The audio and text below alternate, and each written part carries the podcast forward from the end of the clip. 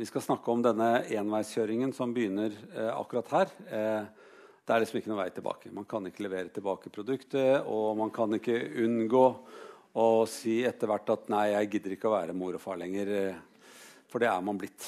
Og det er akkurat det derfra og fremover det er det vi skal snakke om. Og med meg har jeg fått en kollega som riktignok har en videreutdannelse, så vi kan godt diskutere hva det er for noen ting, men eh, hun heter Irene Elgen. Velkommen. Du heter også Birkov til etternavn. Kom, kom, kom.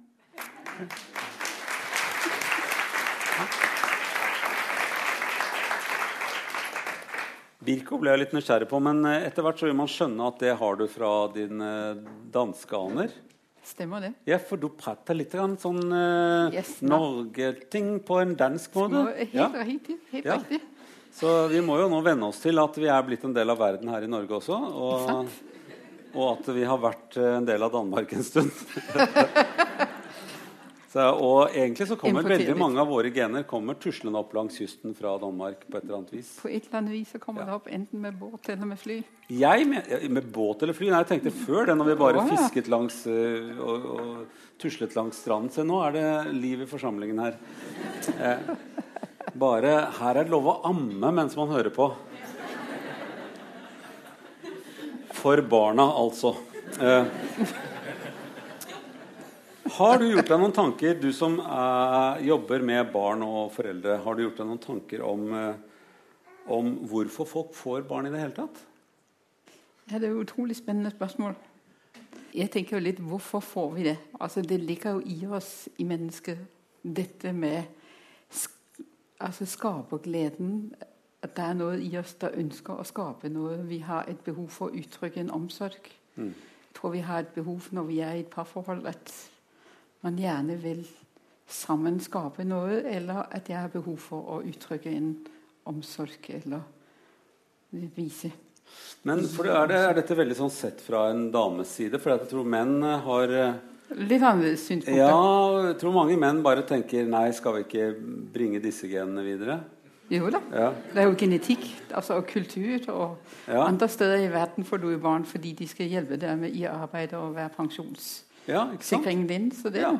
mange praktiske. Så det, det, er ikke bare sånn ærverdige måter uh, som gjør at det skapes barn. Det er rett og slett fordi at noen er litt uheldige, og noen uh, Planlegger det. Uh, og, og, noen, noen har veldig tenkt på at dette her vil vi ha. Nå vil vi bli foreldre, og nå passer det bra. og sånn. Så det kan være også litt sånn uærbare grunner til å få barn. Men allikevel, så når man får barn, så får man de barna man har, og de barna får de foreldrene de får. Ja. Det er grusomme dilemmaet der, altså. Stort dilemma. Du kan ikke verken velge foreldre eller velge hvilket barn. Nei. Nei. Det har jeg tenkt på mange ganger med mine foreldre. At uh, jeg, man kom, kom, gjennom en fase da jeg var sånn 12-14-15 år, og jeg tenkte er det helt sikkert at det er de som er foreldrene mine. Og det er vel en del av sånn ungdomstid at man skulle ønske dem bort. Eller ønske seg noen andre som er kulere. Absolutt. Gresset er altså grønnere på den andre siden. Ja. Det er jo noe med det. Vi begynner der hvor gresset er grønt omtrent der man er, nemlig når man lager barn. Ja. Eh, det er nok det grønneste gresset. Og så Eh, eller, eh, og så, så, eh, så, får man da beskjed om at vi skal ha et barn. Det kommer litt brått på menn vanligvis. For de kjenner jo ingenting. Nei. Eh, og så går det lenge, og så ser man på kona at hun ble veldig bulkete. Og, og på en annen måte seg selv. For mange damer blir jo litt annerledes ved å være bulkete. De, de er både bulkete og hormonelle og trøtte og slitne. For du skal både, både føde deg selv og en annen ja. i utvikling. Men uh, tror du det føler Altså at damer rett og slett får litt bedre tid på å forberede seg til et foreldreskap? Altså at de kjenner så til de grader dette mennesket som vokser eh, av dem selv, at de blir mer forberedt enn det menn blir? Teoretisk sett, ja. Men du kan si i ultralydens tid, hvor du kan være med enten i 12. uke eller i 16.-18. uke, hvor du ser hjertet slå, og du ser en liten skapning med fingre og alt. Mm. Der er det mange menn som sier da opplever de at de blir gravide. Ja. Det, det skjønner jeg. Dessuten så er, skjer det vel kanskje på en helt annen måte, sånn som med alt annet hos menn. Det skjer jo på en helt annen måte enn hos kvinner. Akkurat. My, mye av det skjer på en veldig annen måte, kan jeg love deg. Eh, eh, og, og, så, og, så, er det sånn eh, at da jeg fikk mitt første barn, for det velger jeg å si Det var kona som fødte det, men jeg føler at jeg fikk mitt første barn. Og akkurat den dagen følte jeg veldig tydelig at jeg ble annerledes. I den forstand at jeg oppdaget at jeg kanskje egentlig var skapt til å være løve. Ja, eh, precis. For jeg ble veldig sånn uh, brølete og litt skummel å ha med å gjøre. For dette, uh, der var det noen på fødeavdelingen som sa Takk, Torgersen, nå har de vært her nok. uh, og nå kan du bare gå hjem og hvile og sånne ting. Og da hadde jeg en følelse av at nå er det noen som vil lure meg bort fra barnet mitt. Og da ble jeg litt sånn Og så når jeg kom hjem, så hadde jeg en følelse av at er helt sikker på om ikke noen av dem kommer til å kaste barnet mitt ut av vinduet. og sånne ting. Altså, det er veldig mye sånn løvefølelse. Eh, og det var ikke jeg forberedt på. Jeg trodde jeg skulle bare være helt kul. Siden jeg også var lege. Spesielt fordi du var lege, kanskje? Ja, at jeg trodde jeg skulle, dette, dette er kult. Har du styr på, mm, for du har lest om det. Mm. Mm. Det, men det trengtes å være eh, løve, for da måtte jeg liksom lage et slags nytt Eh, rede og innhegne det litt hjemme. Og så måtte jeg passe på han sønnen min at han ikke fikk eh, sånne lapisstråper i øynene, for jeg visste at det ville bare være vondt for han. Ja. Eh, selv om det ikke var godt over det regulativet når han ble født. Så det er jo en slags plage, en plaging av, av småbarn, akkurat, mente jeg. da. Så, sa jeg, men hun, så, så, sa hun legen at ja, men vi må nesten gjøre det. Og så sa jeg men da sier vi da har vi gjort det. Og så sa hun det har vi jo ikke gjort. Så sa jeg men jeg er lege. Ok, sa hun. Bare gjorde hun sånn. eh, det var innledning til at, eh, å si at det fins en måte å bli mannlig foreldre på også, som er litt annerledes enn om man tenker at foreldreskapet blir for en kvinne. Mm. For der er det så veldig tydelig at de er liksom der hele tiden mens barnet til de klipper navlestrengen. Ja. Ikke emosjonelt engang, men altså de er der hele tiden. Så, eh, Menn kanskje trenger litt mer tid eller litt annen, eh, litt, litt annen tankeprosess å, for å bli far. Har du noen følelse av at det er noe som henger igjen når, når folk blir sånn babyforeldre eller småbarnsforeldre som, som, er forskjellige på kvinner og menn? Altså blir for kvinner en annen rolle i et foreldreskap enn det menn får i den tidlige fasen? Ja, i, i, den tidlige fase så gir det jo litt seg selv at det er kvinnen som ammer. Og det gjør mannen ikke. Eller det vil si, du kan jo øh, fordele litt med flaske på natten, eller hvordan man innretter seg. Eller hvis barnet ikke tar bryst, eller man ikke har meldt nok, så mm. kan du på en måte oppleve å være likeverdig i forhold til å skulle gi Og det er det noen som opplever men kanskje i gamle dager så eh, ble Mitt inntrykk er at fedre ble veldig sent fedre i gamle dager. fordi at ikke, disse her små tingene det hadde de ikke noe å gjøre med. Nei. De tok ikke i barn liksom før det kunne gå omtrent Nei, noen ganger. Nei, for gamle testamentet ja, sier, ikke sant? Ikke sant? Vår foreldregenerasjon. Mm. Har det skjedd noe med det å bli fedre, den siden av foreldreskapet, syns du, i, i, den senere praksisen din? Å oh ja, det er stor forskjell. altså Fedre jo, er jo engasjert nå fra dag én. Altså alt fra stell til alt annet med babyen enn kanskje armingen. Så det, ja, det, det, er litt mer likeverdig. Er det bra, eller er det i veien? Absolutt ikke i veien. Tvert imot veldig bra. Syns alle fagfolk det, eller syns noen fagfolk at det hadde vært greiere hvis de var menn var litt mer vekk for tiden? Nei, fagfolk syns det er veldig bra ja. med felles engasjement. Og begge okay. to. Så fedre skal bare kjøre på, uh, men ikke være i altfor mye veien for mor, da? Nei, de er likeverdige.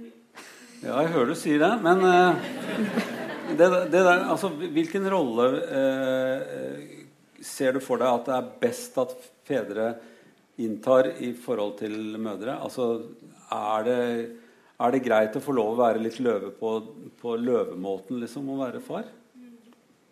Jeg tror, jeg, tror, jeg tror, mange kvinner, hvis de skal være ærlige, syns det er veldig kjekt med løvefar fra som beskytter når, når løven er, for å bruke det bildet, den beskyttende faktor og ikke den angripende faktor. Mm. Så hvis du beskytter utad mot omverdenen, så er det jo bare veldig bra.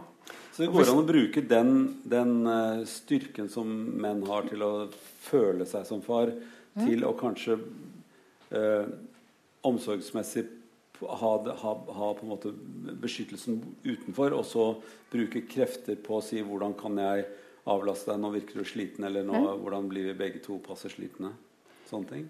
Ja, så jeg tenker jo at det, det er jo ofte at uh, i han, altså, Vi snakker jo om denne varselstiden, seks uker, hvor, hvor hormoner går opp og ned, og hvor på en måte kroppen skal tilbake til sin normaltilstand. Hvor vi følelsesmessig også kan være i ubalanse. og Da trenger du en beskyttende faktor. At det kan være Noen ganger så har man behov for å redusere de sosiale aktiviteter for å hente seg inn. Og det er ikke alltid man klarer selv å balansere dette. Og da er det godt å ha hjelp av løvefar, Mm. tenker jeg. Yes! Det er, så, så, det er ikke det, det, er- det er ikke sånn at utviklingen går bakover, at nå er menn altfor mye til stede, men du syns at det liksom er en fin måte å engasjere seg på til å bli en god forelder, rett og slett?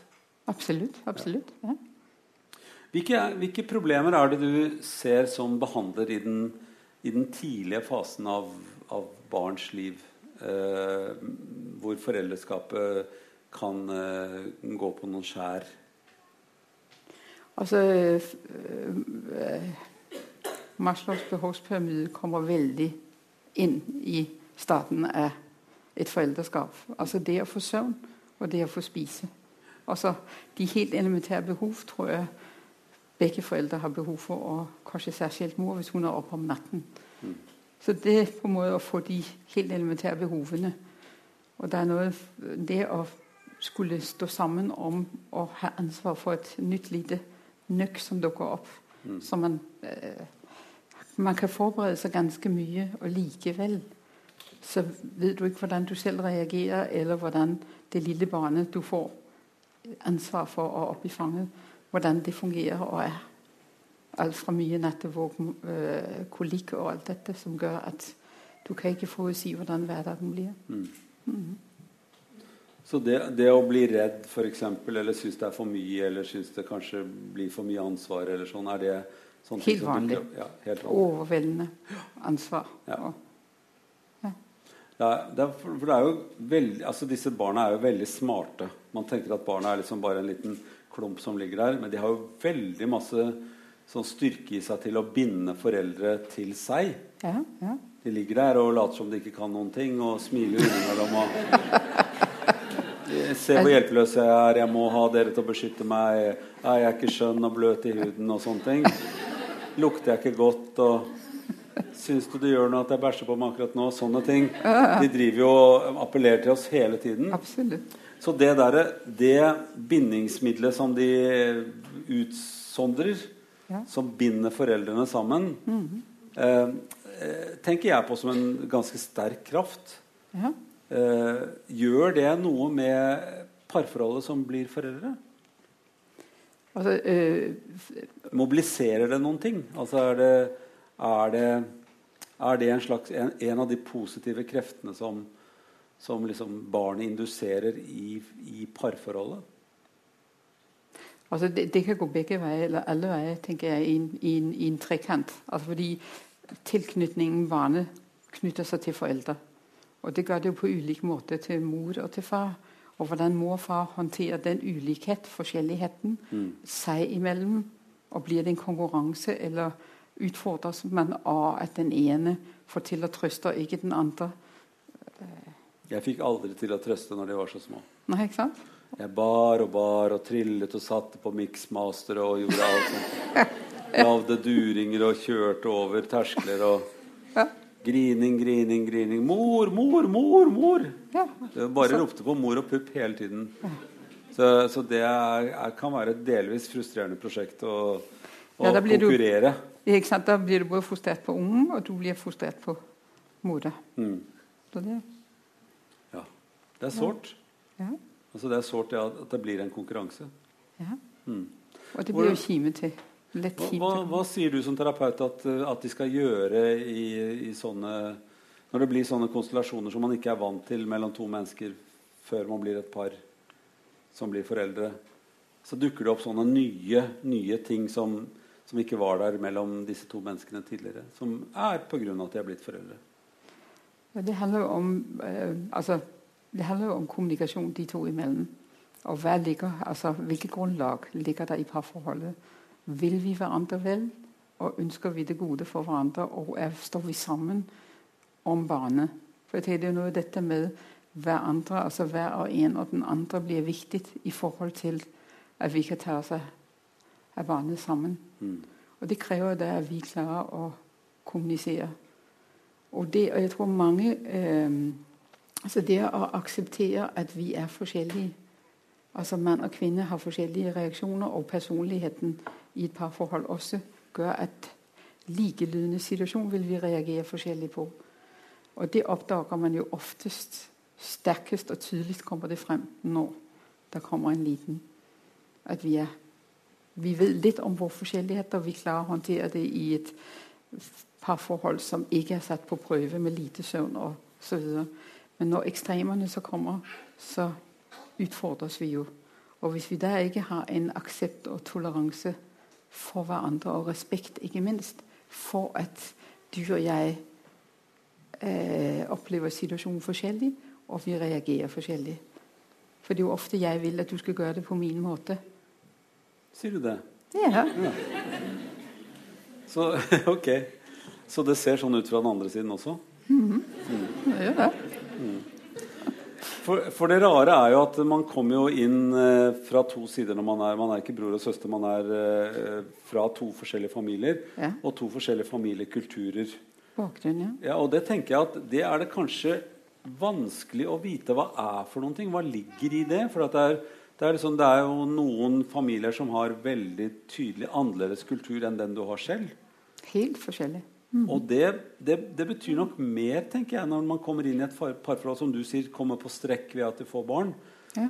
Mindre søvn, øh, øh, slitne, klarer ikke å få alt til å gå i hop. At hvis det er på den ene siden en kultur hvor det er her skal alt stå på en strek og være ryddig og, og rent, ja. eh, som kommer i tillegg til at, eh, at, vi skal få til allting og sånt noe. Mm Og så må man eh, prioritere annerledes, eller man må, man må, gjøre ting på en ny måte. Lage en egen kultur. Det kan være ganske vanskelig i en tidlig fase at alt kommer liksom samtidig. Alt kommer samtidig, og så skal du på en måte rydde og sortere ut hva er det jeg har med meg i bagasjen, mm. og hva er han har sagt den andres hva er din bagasje, og hvilken bagasje vil vi ha sammen fremover? Og hvordan skal vårt familiekonstellasjon eller kultur hvordan skal den se ut? Mm. Og det krever jo et visst overskudd, som jo ofte ikke er der i småbarnefasen. Altså når det er lite søvn. Så. Så hva kan man gjøre da? Eh, hva er ditt beste råd for å få litt mer søvn? Litt mer søvn jeg tror man må, må, man må, planlegge litt mer. Altså, når man er uten barn, kan du være litt mer spontan og ta det litt på impulsen. Jeg tror man etter hvert oppdager at det er noen ting du må planlegge. Mm. Også søvn. Ting som tidligere bare kom av seg selv. Det må planlegges. Mm. Og da må man forhandle litt med hverandre. Så må man kanskje eh, legge ambisjonene litt lavere da, i, en sånn tidlig periode for ikke å komme i en sånn utslitt eller Eh, så nære grensene sine på en måte som det man tåler? Jeg tror det er utrolig viktig som sier med prioriteringer, og eh, at, at, man erkjenner at vi er i en livsfase hvor ting er på strekk. Mm. Og da må vi kanskje redusere at vi ikke kan være sosialt syv kvelder i uken, men noen færre kvelder, og rett og slett si det er noen sovekvelder. Mm. Og det er på en måte en del av livet og den livsfase vi er i. For hvis vi skal holde det er jeg veldig opptatt av, med, spesielt når jeg møter foreldre med, med uh, alvorlig syke barn eller en kronisk tilstand. Hvis de skal holde i foreldreskapet ut hele livet, så må de ikke slite seg ut mm. første året. Og være med på alt og klare alt. Og da nå er, snakker du ikke bare om de som har det sånn på gjennomsnittlig, men de som kanskje blir enda mer slitne fordi de har et barn som enten er syk, eller altså et barn som, som, har en eller annen lidelse. Ja, det kan være, et, det kan være også bare et barn med bare med, med, med kolikk. Ja. Altså Det kan være utfordrende nok i seg selv. Eh, og det er jo denne fasen også fra man eh, går over fra å være kjærestepar som har det veldig gøy i senga, til å, ha det, til å være et parforhold hvor det er ikke alltid like koordinert. Nei. Jeg sa det på den måten. Eh, og det krever kanskje litt planlegging da, å Ja. koordinere. Og hvordan finne den gode balansen i å koordinere og likevel ha det spontane innenfor det koordinerte. Og det er jo en utfordring. Utfordring var et veldig dekkende uttrykk. Eh, for det er også litt sånn ambisjoner. Vi lever i en tid hvor veldig mye er seksualisert, og hvor alle parforhold skal være seksuelt aktive til de grader. Og så kommer eh, et, eh, et barn, og så blir det noe som står på vent. Alt fra oppvasken til sexlivet. Og så å få det der i gang igjen, eller få, få pausen til å være akkurat passe lang og være passe slitne og ha passe lyst. Kan være ganske vanskelig koordineringsting. Og da er, ikke, går det ikke bare an å, å gjøre en avtale. Nei. Det er ikke sånn at nei, 'Vi hadde en avtale.' Nei, jeg tror ikke Nei. Altså, det er jo mye som ikke går. Nei, men jeg tenker, du kan jo, du kan jo øh, Det er mye det ikke går, men du kan jo planlegge i, altså i småbarnefasen hvor du vet at det er en kjempeslitasje. En helg eller en eh, friaften eller et eller annet, så er jo mulighetene der. Mm. Eh, og det er klart at det skaper jo noen forventninger. og Kanskje den ene er litt mer sliten enn den andre likevel. Mm. Men du kan i hvert fall prøve å innrede så godt du kan. Ja, og jeg syns det var litt det gøyere enn den andre plutselig. Ja. Ja. Og det er jo noe med Altså Der er vi jo også forskjellige, Mm. menn og kvinner. Altså, og innad i parforhold. Jeg syns det var bare viktig at vi fikk sagt disse tingene her, sånn at liksom vi ikke hopper over sexlivet. For det er jo en viktig del av det å fortsatt være et par. ja. Selv om ting er litt på hylla av og til. Ja, ja. Det er litt limet og litt på hylla, som du sier. Ja. Det, Så finne den der balansen. Eh, så kom han over igjen eh, og den, en litt eh, sånn ferdig med den aller første delen. Eh, hvor eh, mange ting er grodd sammen igjen, og folk har det eh, gøyere i hverdagen. Og far har rukket å male den veggen som ikke var malt, og listen er kommet på plass under uh, Ingenting knirker lenger og sånt nå. Altså, man, har fått, man har kommet til en fase hvor man tenker å ja, nei, nå er vi foreldre, og dette går ganske bra. Og vi har det hyggelig sammen, og vi klarer å, å trille litt rundt, og vi får tatt noen løpeturer begge to, og jeg har en sånn følelse av at jeg har truffet noen venner som kjente meg igjen. Altså det er ja. Altså man er kommet, Ja. kommet inn i tralten ja. av en småbarnstid. Og så er det noen som ikke får det sånn. For det er jo akkurat i småbarnstiden som vi sa nå, at da står ting på strekk. Og for noen så står det så på strekk at det er i småbarnstiden hvor en del folk går fra hverandre. Ja. På en eller annen måte. Det merker man jo. Det skjer jo ikke ping sånn, men man merker det at dette tror jeg ikke jeg gidder lenger. Eller dette her har jeg lyst til å melde meg ut. Eller dette er ikke pa partneren for livet mitt. Hæ? Eller hva det er som er av tanker i hodet. Eh, og eh, hva skal vi gjøre da? For en, eh, jeg sa i, småbarns, eller i, i, i barneombudstiden min så sa jeg at jeg syns det er noen som ikke skiller seg, som bør skille seg. Og så er det noen som ikke burde skilt seg, som, eh, som har skilt seg. Ja. Og det der å, å gi parforholdet i hvert fall en sjanse eller en sånn Å la barnet få en type forhandlingsrett gjennom at, at paret tar det alvorlig, er kanskje en ting vi også burde snakke om. ja. Hva, hva ville du si til folk som syns de tenker nei, dette hadde vært gøyere å ha en hybel? Hva, hva skal vi si til dem? Hva skal vi si dem? Altså, punkt ett så øh, pleier jeg til å si det er bedre å forebygge enn å helbrede. Så jeg ville foreslå at uh, unge par det er mitt forslag det er at man setter parforholdet på service, akkurat som du setter bilen på service. Ja. Altså, finnes Og så drar man og gjør noe annet mens det er på service.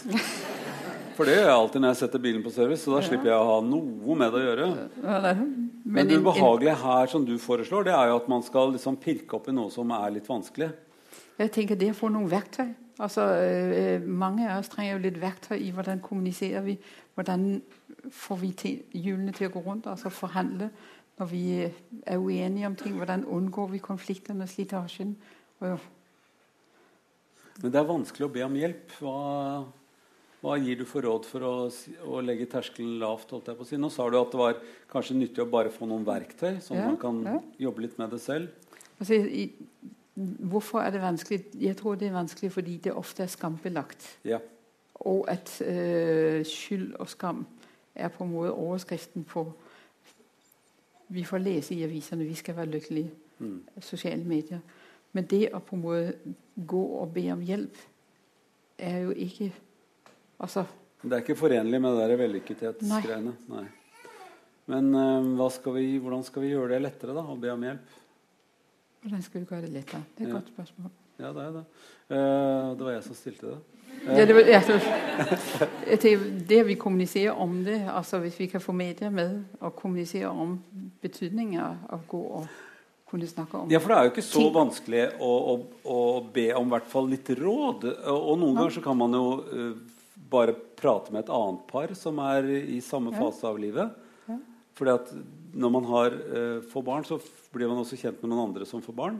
Ja, Eh, Du møtes i sandkassen Også, ja, man nye foreldre nye Møtes jo før sandkassen. Noen ganger møter man på pustekurs eller noe sånt. Nå. ja. at man møter noen som man ser andre med bulk på magen, og så blir man kjent. Eh, er det, er det, er det en, et godt råd at man kan begynne å prate om erfaringer over pargrensene? Det syns jeg absolutt. Og at man kanskje er begge parene? Ja, Ikke bare at mødrene sitter og Begge par. Det skal være begge. Altså. Nå holdt jeg på å si 'sitter og sutrer'. ja, det, det var slemt, altså. Det, det var veldig ja, slemt. det var veldig slemt. Men, men, Men jeg tror dette med like, likemannsforståelse og, og det å gjenkjenne Ja. Bare det at jeg kan gå ut og høre at andre kanskje også iblant strever, Mm. gjør at det kan gi energi til å gå tilbake og si ja vel. Der kan jeg gå inn i vårt forhold og se litt på tingene på nytt og snu noen steiner som kanskje ikke har vært snudd. Ja. Hva slags eh, teknikker bruker du for å hjelpe folk over ting som går galt? Altså det er jo og igjen, Jeg har litt sånn kjepphest med at jeg tror at gutter og jenter er forskjellige. Ikke bare at én er utover innover, annen er innovertiss, men at det er, man er, man er, vi har liksom forskjellig hjernekonstruksjon. Nå vet man jo det etter hvert. Eh, at menn er nok satt opp med en annen maskinvare enn det damene er, også på toppen. Jeg kan ikke si akkurat hvordan det er, men det er, det er veldig komplisert. og vi er veldig vanskelige, vi også, inni hodet. Det er ikke bare dere som er så veldig kompliserte. Eh, men eh, vi har nok antageligvis en sånn ulik sånn eh, mother program, på en måte. Et sånn basalprogram i hjernen. Vi tenker i andre baner. Og ofte så tenker vi ikke. Eh, og det er Det er også veldig deilig. Det er både òg. Ja. Jeg tror ikke dere har den følelsen at dere har en tom hjerne, men det har vi menn ganske ofte. Og da lader vi opp hjernen, og så slapper den litt av, og så går den på igjen. Ja. Men, men litt ut. eh, så, sånn at veldig ofte så kan jo en konflikt eh, som er typisk mellom menn og kvinner, er at, at menn har aggresjon på én måte, og så har damer aggresjon på en annen måte. Altså at menns aggresjon ser annerledes ut. At man blir sint, syns ikke man får gjennomslag. Og eh, damer blir sint fordi at de blir skuffet eller blir lei seg for at det skjedde på denne måten. Altså det, er, det er forskjellige strategier for å være sinna. Og menn klarer kanskje ikke alltid å få ordentlig kontroll over sinnet sitt. Ja. Jeg er en sånn type. Jeg ser veldig rolig ut. Jeg kan bli veldig veldig sint. Jeg blir sint innover. Så jeg slår aldri, men jeg kan bli ganske sarkastisk. Som er en litt sånn lompen variant, selvfølgelig. En, men sånn i de Og den blir litt uangripelig. Ja, ikke sant? De, de, de, vi har ulike strategier for å være sint. Ja. Men de gangene jeg har vært ordentlig sint og merket at eh, kjæresten min har da hatt en helt annen strategi, som gjør meg bare enda sintere Det er også en ting som damer er veldig gode på. Eh, så har jeg funnet ut at jeg må rett og slett bare kjøle meg ned. Det kan jeg gjøre ved å bare øh, Gå en tur ut. ja, gå en tur rundt huset. Løpe rundt huset. Eller, eller kvartalet, eller Og rundt kvartalet. hele byen. Akkurat. For å bli kald nok. For det, det, er jo sånn når det, når det, blir varmt, så er det jo ikke noe fint at man er sliten eller, eller er i bakrus eller hva man er. Mm. Og det er en del ting som ikke er noe bra for uh, konfliktløsning. Nei. Hva gjør dere damer når vi står der og, og ikke får, og får fart? Vi, du sammenlignet med at, at, menn ofte var sånn neshornaktige og gikk og Jeg skal si, altså Sinne. Jeg tror, ja. jeg tror, det er viktig å si at følelsene Altså Dette å være sint det er jo ikke bare forbeholdt menn. Alle, nei, nei, nei, jeg har sett vi, sinte damer. Er, jeg, jeg, klart, alle blir vi sinte, men det er jo måten vi uttrykker oss på. Og som, som du sier, at eh, løven da freiser ut, eller nesehornet, som jeg kaller det for Du står og spenner til. Og jeg der reagerer motsatt og kommer ut med piggene som pinnsvin. Mm. Det Sinnet er der begge, hos begge parter, og pinnsvinet stikker man seg på. Og det er like ubehagelig, tror jeg, som du har med nesehornet. Som, som tramper? Som tramper. og vi kan jo forlate det bildet etter hvert, men jeg synes det var en fin sånn måte å si at det er to forskjellige strategier. Det er to forskjellige strategier. Ja. Og sinne er sinne. Og det du etterspør, det er jo hvordan håndterer vi sinne. Ja. Og jeg tror jo at uh, du kan jo gå inn på nettet og finne sinnemestring. Mm. Og hva er det der gjør at sinnet blir så voldsomt i forhold til den aktuelle situasjonen? Det er jo noe i vår underbevissthet. Og det tror jeg er like lydende for menn som for kvinner. At du står i en fastlåst situasjon eller en, avmektig, en situasjon hvor du føler deg kjempeavmektig. Av, avmektig? Av, ja. Altså kraftløs? Kraftløs. Ja. Du står i en situasjon hvor du skal ha ungene ut i barnehage, du skal være på jobb. Og Petra vil ha rosa og ikke blå vokse på.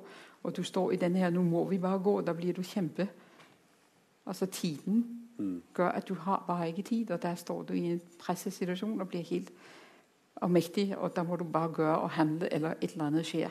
Og så kan det bli voldsommere enn det du egentlig hadde tenkt mm. eller hadde styr på. Og da kommer det ut et sinne men hva vil du gi meg som strategi, som da til slutt bare må melde pass og gå en tur rundt byen? Hva, hva, hva, skal jeg gjøre for noen ting? Ja, altså, når du først har kommet der ut, så må du gå turen rundt. Men jeg tenker det å identifisere litt tidligere neste gang, før du kommer helt opp, så ja. kan du prøve å identifisere litt tidligere. Og så mens du ennå har rimelig kontroll, mm. så kan du begynne å tenke deg om og velge hvordan vil du handle på det der dukker opp. Mm. Og det er jo et valg. Du har alltid valgets muligheter. Jeg har i, beste fall jeg, jeg, sa det en gang til uh, kjæresten min, som også er kona mi, og mor til barna og barnebarna. Eh, eh, da Jeg hadde et lyst øyeblikk, og da sa jeg nå fikk jeg akkurat tak i halen på dyret. sa jeg. For da var jeg så sinnssykt sinna. Men så klarte jeg liksom å identifisere at og det er akkurat bare halen. altså Resten av dyret var jo langt av gårde. Men eh, jeg, hadde, jeg hadde liksom tak i det, så jeg klarte liksom å roe det ned. Eh, og det har jeg brukt som bilde på hvordan jeg noen ganger er heldig å få tak i det sinnet som nå ikke er noe særlig produktivt lenger. Mm. Når det går ja, sånn, ja, det er typisk deg og din familie og det der mora di-tingene. Og da, vet du, da, det er ikke så bra. Det fungerer ikke så veldig fint akkurat da. Da føler man seg ikke så kjekk eller når man har kommet helt dit. Eh, men, men, ja, men da begynner du en strategi hvor du devaluerer. Ja. Og der er vi jo høyt oppe i konflikttrapper. Ja. Og når du begynner på devaluering, så er det jo mer enn sinne. Da er det jo på en måte da begynner du på fiendebildene, som gjør at det blir utrolig vanskelig med kommunikasjon. Og da opphører dialogen jo. Men tenker, det er jo viktig å si at sinne på ett nivå er jo noe sunt og ja. godt. Det må vi holde fast på. Og si at sinne, Det er jo ofte når jeg er på det sinteste, at jeg også klarer klar å tenke klarest. Ja. Da plutselig får jeg, som sier når du blir sint, da får du tak i halen på dyret. At du Adrenalinen er på topp, og da får du tenkt klart noen ganger. Mm. Det er å få tenkt seg om likevel hvordan du skal agere mm. i situasjonen som kan være utfordrende. Mm. Hva gjør damer, da? Hvordan Har de sånn sinne? Absolutt. Ja. Akkurat samme. Ja, Men de sårer på en annen måte. De har en annen strategi. Pinnsvinstrategi. De har pinnsvinstrategi, og de kan jo devaluere med sine ord. Altså På samme måte som mora di, så kan det være fotballen din eller mm. kompisene dine. Vi devaluerer. Det er jo også en måte å uttrykke sinnet på. Men da, damer har jo også en tendens til å si at nei, dette, dette vil jeg ikke snakke mer om, eller bare bli stille og sånt noe. Det er jo en slags tirring, det òg, er det ikke det? Du, det, blir, det er jo en tilbaketrekking. Og Ja. det er jo også en måte å fryse en situasjon på, hvor du også da får en, Altså dialogen opphører. Mm. Og da gjør du et valg og sier ok, da mister vi jo noe av, av dialogen og muligheten for kommunikasjon. Hvis jeg stenger av. Og, og, og når du spør om råd, altså når, når vi blir sinte eller kommer opp i sånne vanskelige situasjoner, så tenker jeg hvis man i fredstid kan være enige om at det er lov å ta en timeout Hvis du blir veldig Timeout må du forklare. Det er en slags, det er en slags fotballspråk, dette her. Ja, det er Det er, fotballspråk. det er en sånn det er å si at nå bare holder vi opp en stund og tar en pause. Vi tar en pause. Ja. Hvis vi er veldig sint eller veldig overveldet Og nå orker jeg ikke å snakke mer om dette her, fordi alle dine argumenter kommer, og jeg er helt overveldet og vil bare trekke ned gardinene. Så kan jeg i stedet for det så kan vi i fredstid bli enige om at jeg har lov, eller du har lov, å ta en timeout. Og det vil si at vi stopper her. Og når vi da stopper og sier vi tar ikke diskusjonen nå, så kan vi være enige om at når vi er litt mer rolig eller kommet litt mer på plass, så kan vi ta opp emnet på nytt og begynne forfra å snakke om det. Og gi det en ny sjanse. For det er det jeg tror er utrolig viktig hvis vi skal utvikle våre parforhold. At vi gir det en ny sjanse. Så du sier at i en konflikt så er, må man vi, i tilfelle bli enige når man ikke er i konflikt. Ja, Altså I fredstid. Og ja. I fredstid, sier du. Ja. Ja, det var hyggelig. Eh, altså, så sier man eh, hvis, det, hvis vi blir kjempesinte på hverandre, eller ikke det låser seg helt, Ja. så kan vi si at nå snakker vi ikke mer om dette, men vi tar det opp i morgen. Ja. Og da må man gjøre en avtale. Da må man si klokken da og da. Og Altså, så kan man altså, ikke glemme det. Alternativet er at den, altså, hvis man har den kjøreregelen, Mm. som, at den der ber om timeout og sier 'nå vil jeg ikke mer, nå må jeg puste', Mm. pusten, enten ikke orker snakke eller noen må springe rundt huset, Mm. så den der ber om timeout, da har ansvaret for å ta det opp igjen. Og det er den som må ta det opp igjen, ja. Ja. For at eh, jeg ville nok antagelig sovnet og glemt at vi har vært sinna på hverandre. Ja. Eh, Men hvis du, har, hvis du har bedt om timeout og løper er rundt da huset, må jeg- så må du ta det opp igjen. Neste jeg må skrive på en liten lapp og ta det opp Du igjen. må skrive det, eller skrive det i hånden, eller Ja. sette alarmen på mobilen. Ja. Ja. Ok. Fint. Eh, hvis vi eh, går litt videre til, til, eh, til eh, eh, sånn, holdt på å si normale familier, så er, det, så er det jo også folk som får barn som de da kanskje er halvt foreldre til, eller altså er, er gift med den som er faren eller moren, altså har fått noe, en slags sterolle, eller at barn er blitt adoptivbarn, eller at de er produsert på en eller annen moderne måte. eh, så, ja, men det er moderne måter å bli produsert på. Du, Ja, det vet du godt. Eh, ja. Ja. Mm -hmm. ja, men det er det. Og noe av dette her kan man gjøre i Norge, noe er det ikke lov å gjøre i Norge. Eh, og, så barn kan komme mange måter, på mange måter i verden. Men allikevel så har de jo foreldre. Og veldig ofte så er en av dem biologiske. Ja. Og man får andre roller i forhold til barna. Hva er ditt viktigste råd til folk som da har Én er mer foreldre i gåseøynene fordi den er biologisk, enn den andre. Eller ingen av dem er biologiske, og begge to er, har en annen foreldrerolle. Vil du si at, det, at de er eh, foreldre på likeverdig måte da? Eller er det noen som kan trekke seg eller ikke føle seg viktig nok? Eller sånn? Er dette et konfliktområde, eller er det ikke det? Altså du kan si Følelsesmessig så, er du, så er du knyttet til når du, når du velger å bli adoptivforelder, så knytter du deg til barnet, og forhåpentligvis omvendt også. Og det vil, jo, det vil jo være som foreldre og de samme følelser og reaksjoner, vil jeg tenke. At noen, noen som er adoptert eller på annen måte liksom ikke vet om hvem som er mor eller far eller mor og far eh, Noen av dem som jeg har snakket med, de har sagt at jeg er ikke noe opptatt av å få vite hvem de egentlig er, de biologiske foreldrene. Og noen har sagt at hvis jeg ikke får vite dette her, så blir jeg gæren. Altså jeg, jeg vil, vil ikke ha dere, jeg vil vite hvem det er. Jeg vil vite opphavet mitt for å vite hvem jeg egentlig er. Hva sier du til sånne, sånne barn og sånne, sånne foreldrepar? Det handler jo om på hvilken måte du har tatt barnet til deg. de foreldre som tar barnet til seg fordi de skal ha dekket noen egne behov, ser vi jo litt ofte barna har behov for å finne ut å finne sin identitet og hvem er jeg og opphavet. Men der hvor man har kunnet snakke godt om det å være adoptivforeldre og vel vitende at det finnes biologiske foreldre, og kan snakke om det på en god og sunn måte, der tror jeg at identiteten lettere faller hvis man kan kalle det ro, til ro eller på plass for barne- og ungdommen. Så det å være åpen med hvordan foreldre man er fra starten av, det ja. mener du er bra? Det tror jeg er veldig bra. Mm. Og det er ikke noen aldersgrenser der? Kan man begynne med det når man, når man får det første spørsmålet, eller når, ja. man, når man, lurer, når noen lurer Hvor kommer jeg fra? Eller, ja. Og spesielt hvis man har en annen Altså hvis det er tydelig at du ser at du ikke ligner dine foreldre, mm. og barna begynner å spørre, at man da snakker om det, at det ikke blir tabu.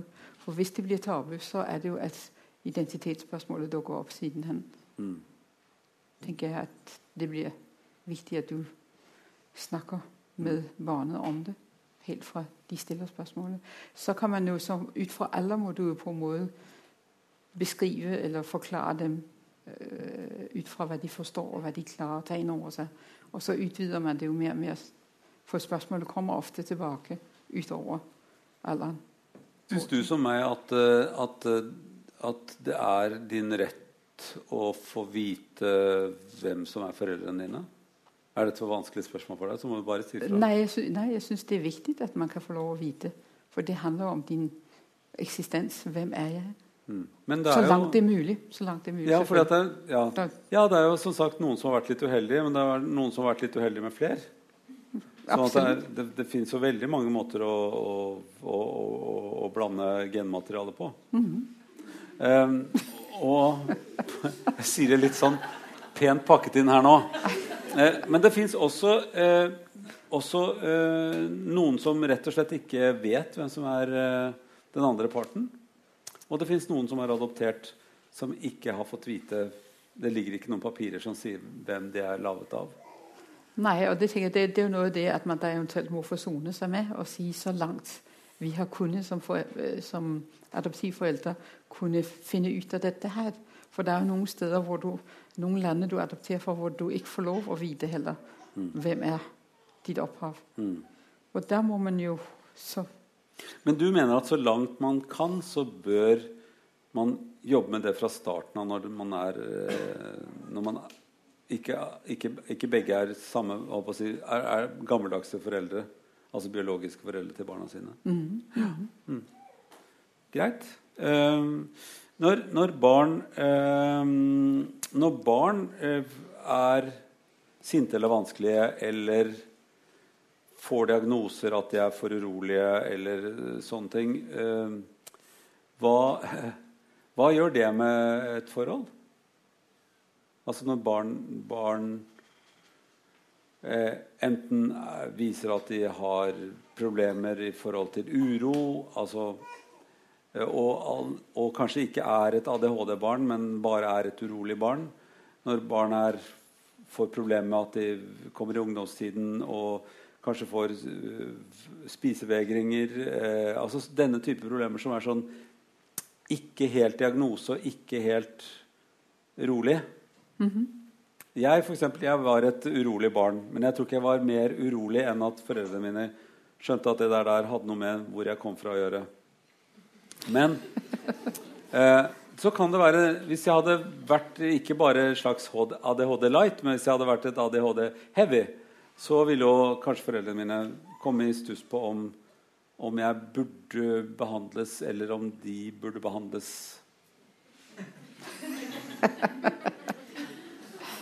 Jeg prøver å si det så komplisert, for jeg tror noen ganger så er det liksom Man vet ikke helt hvor eh, hvem som skal ha diagnosen, om det er foreldrene eller barnet som skal ha diagnosen. At barna går og bærer på noe som kanskje egentlig er et foreldreskapsproblem. Eh, og at barnet blir den som bærer det. Ja. Det kan være alt fra hele overgrepsskalaen til, til, eh, til det å ha en uro som er bundet kanskje i noe som er urolig i hele familien, eller delvis ødelagt. Ja, og det altså, Hvordan jobber du med det, du som, som driver med altså, Vi jobber jo i den forstand at vi på en måte sier hvem er det der presenterer symptomet. Mm. Er det foreldrene der presenterer symptomet? Hvis de kommer inn i en barnepsykiatrisk kontekst. Og så prøver vi alltid å spørre hva representerer symptomet. Altså Representerer det barnet, representerer det familiesystemet, eller er det noe utover Mm. som vi må ta tak i? Og det er ikke alltid bare barnet eller barnet alene, men at du kan finne andre forklaringer Mm. som må adresseres og man må forholde seg til. Er man flinke til å se barnets fortelling i dette her? For at uh, min uh, fordom er vel at kanskje voksne er mer opptatt av sine egne behov enn barnets behov i sånne settinger. Vi vil jo våge å påstå at vi er flinke, vi, men vi vil jo gjerne bli flinkere og i det hele tatt jobbe for å få tak i barnet og barnets eh, verden og forståelse av verden og virkeligheten. Og jeg tror det er utrolig viktig at når barn uttrykker seg urolig, at vi, at vi, eh, at vi spør oss hva er det de prøver å si. For det er jo noe de prøver å fortelle. For jeg tenker I utgangspunktet er et barn ikke urolig. Altså, De er i utgangspunktet fornøyde. Mm. Men hvis de ikke er det, så er det fordi det er noe de prøver å si. Og så må vi prøve å få tak i det. Mm. Og det er ikke alltid vi er flinke til det. Men vi Nei, jobber for å bli nei, flinke. det er i hvert fall historisk har man ikke vært flink til Nei, det. Uh, er det nå åpning for å ha barn med i familieterapi på en måte? At, at barn også kan være med og fortelle historien om familien? Ikke bare at det er et foreldre som ser på barn som et problem, eller Å ja da. Altså, Ja. Vi har, vi har uh, familiesamtaler hvor alle sitter rundt bordet og får lov å fortelle sin historie. Og det er jo måten vi jobber familiesystemisk. Så det er, det er liksom kommet opp i dagen som en måte å, å ta med barn også inn i en, Ja, en sånn setting hvor de blir verdi, vurdert som ordentlige mennesker, de også? Absolutt. Ja. Ja. Ja, du ler litt av det, du, men eh, historisk er det jo Damer ble heller ikke hørt, du vet det? Ja. De... De hadde egentlig, kunne ikke arve noen ting heller en stund. Eh, så det er liksom, vi, har, vi lever i en historisk kontekst hvor, eh, hvor Utvikling? er-. Mm. Ja, og familier er jo Det å bli for, foreldre handler jo om at man får barn. Og, og så noen ganger så blir det sånn at barnet blir ikke den viktigste delen av det etter en stund. Den blir bare en symptombærer også i de verste tilfellene. ja, det, er jo det, det er jo det der er viktig for oss da, å få tak Hvis de er symptombærede, så blir det jo viktig å få tak i hva er, hva er det dette symptomet representerer, Mm. og hvor skal vi adressere øh, utfordringene eller symptomet? Skal det plasseres et annet sted? Men går det an å snu noe av det på hodet og si at eh, eh, Og nå snakker jeg for min, min syke mor, holdt jeg på å si, som er meg. Eh, at eh, jeg var jo et urolig barn. Ja. Altså, jeg, jeg, jeg, jeg, tror det, jeg tror jeg var en ressurs. Eh, men det var ikke så greit å være foreldre til en sånn ressurs. Eh, alltid. Nei. Nei. Eh, eller læreren til en sånn ressurs. Eh, men eh, til jeg ble voksen og oppdaget at kanskje noe av dette her kunne få uttrykk i et samfunn. altså at det, at det var nyttig å være meg også. Men jeg tror mange barn ikke er så heldige at de er blitt behandlet som en ressurs. At, uh, litt slitsomt, men gøyalt, og kanskje han kan bringe dette til verden på en annen måte som kan være interessant. Eh, at det er mange foreldre som tenker at ja, men dette er bare et masete barn. Dette er bare et slitsomt barn. Dette er et oppmerksomhetskrevende barn. Det er bare, det er, og da er vi jo snart over i symptomordene, på en måte. Ja. Eh, det kan også bør ikke ha uttrykk bare at du er urolig, men at du, du lager problemer i gåseøyne. At barnet blir et problemlaver. Eh, og er egentlig bare uttrykk for at det er noe i, i denne familiekretsen som definerer meg som et problem, og ikke ser på hva jeg har av ressurser. Eh, går- er, er, det en, er det blitt en sånn måte å se på familiekonstellasjon, altså foreldre og barn, som, en sånn, som, en, som et ressu- ressurssted, mer som en I motsetning til tidligere, hvor man lettere hadde satt diagnoser på dette her? Altså, jeg, jeg, jeg, jeg, piner deg jo nå, for jeg vil veldig gjerne ha deg ut på den planken som er litt sånn ut på planken, ja. ja, ja. Altså, hvis, hvis, du ser, hvis, du ser, på familien som et utviklingssted mm.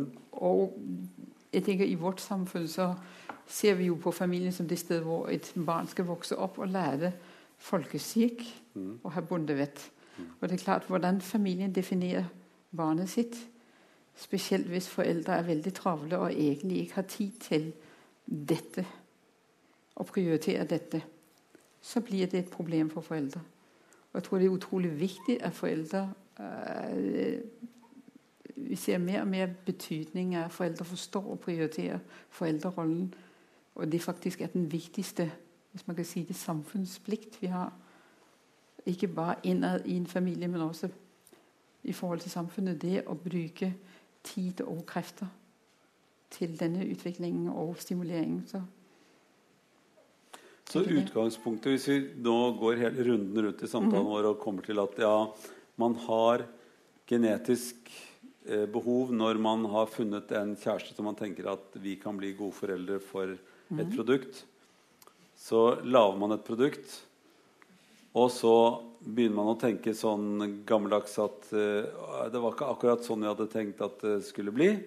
Og her må vi oppdra dette barnet til å bli sånn som vi hadde tenkt at det skulle bli. Og så blir det motkrefter innad i systemet istedenfor at jeg har nå produsert noe som er en slags gave til verden. La oss gi denne gaven plass og forstå den.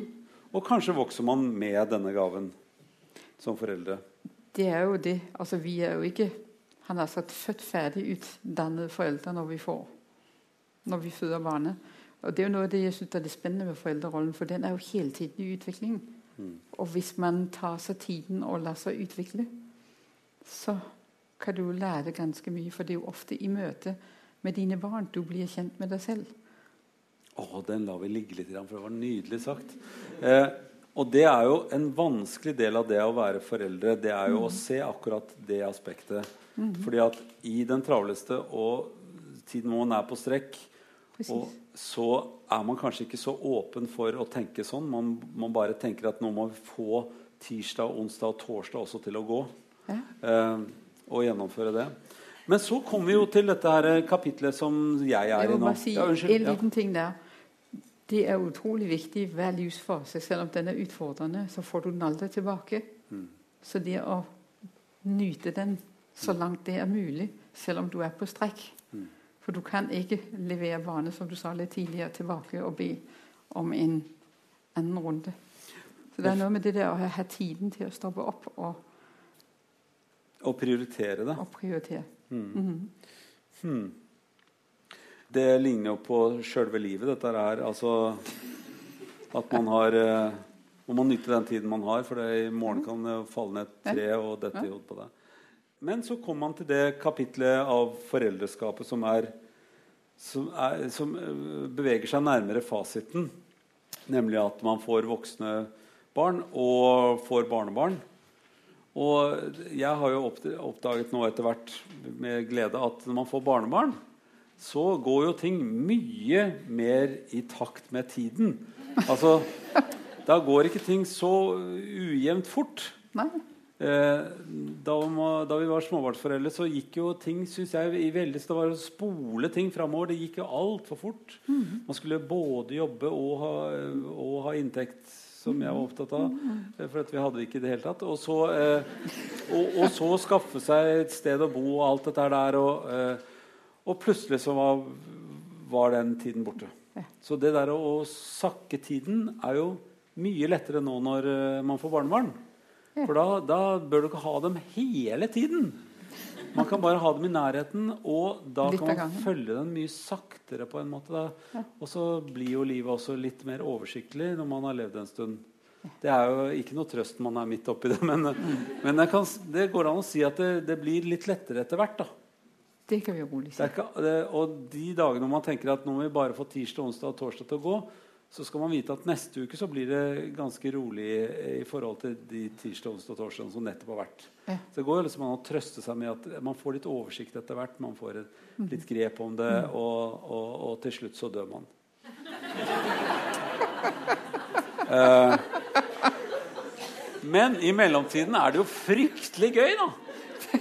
Fryktelig gøy å følge Det har sikkert du også gjort. Fulgt dine barn oppover i alderen.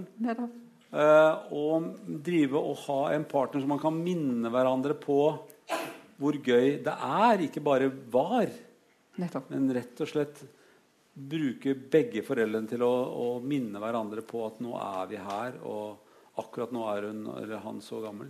Ja. Og du kan se litt at slekten i dine barnebarn, og du kan få lov å være med og heie på neste generasjon. Ja. Mm, Det er veldig viktig. Det gjør vi i hvert fall. Tusen takk, Irene. Dette var en gøyal samtale. Takk for at dere.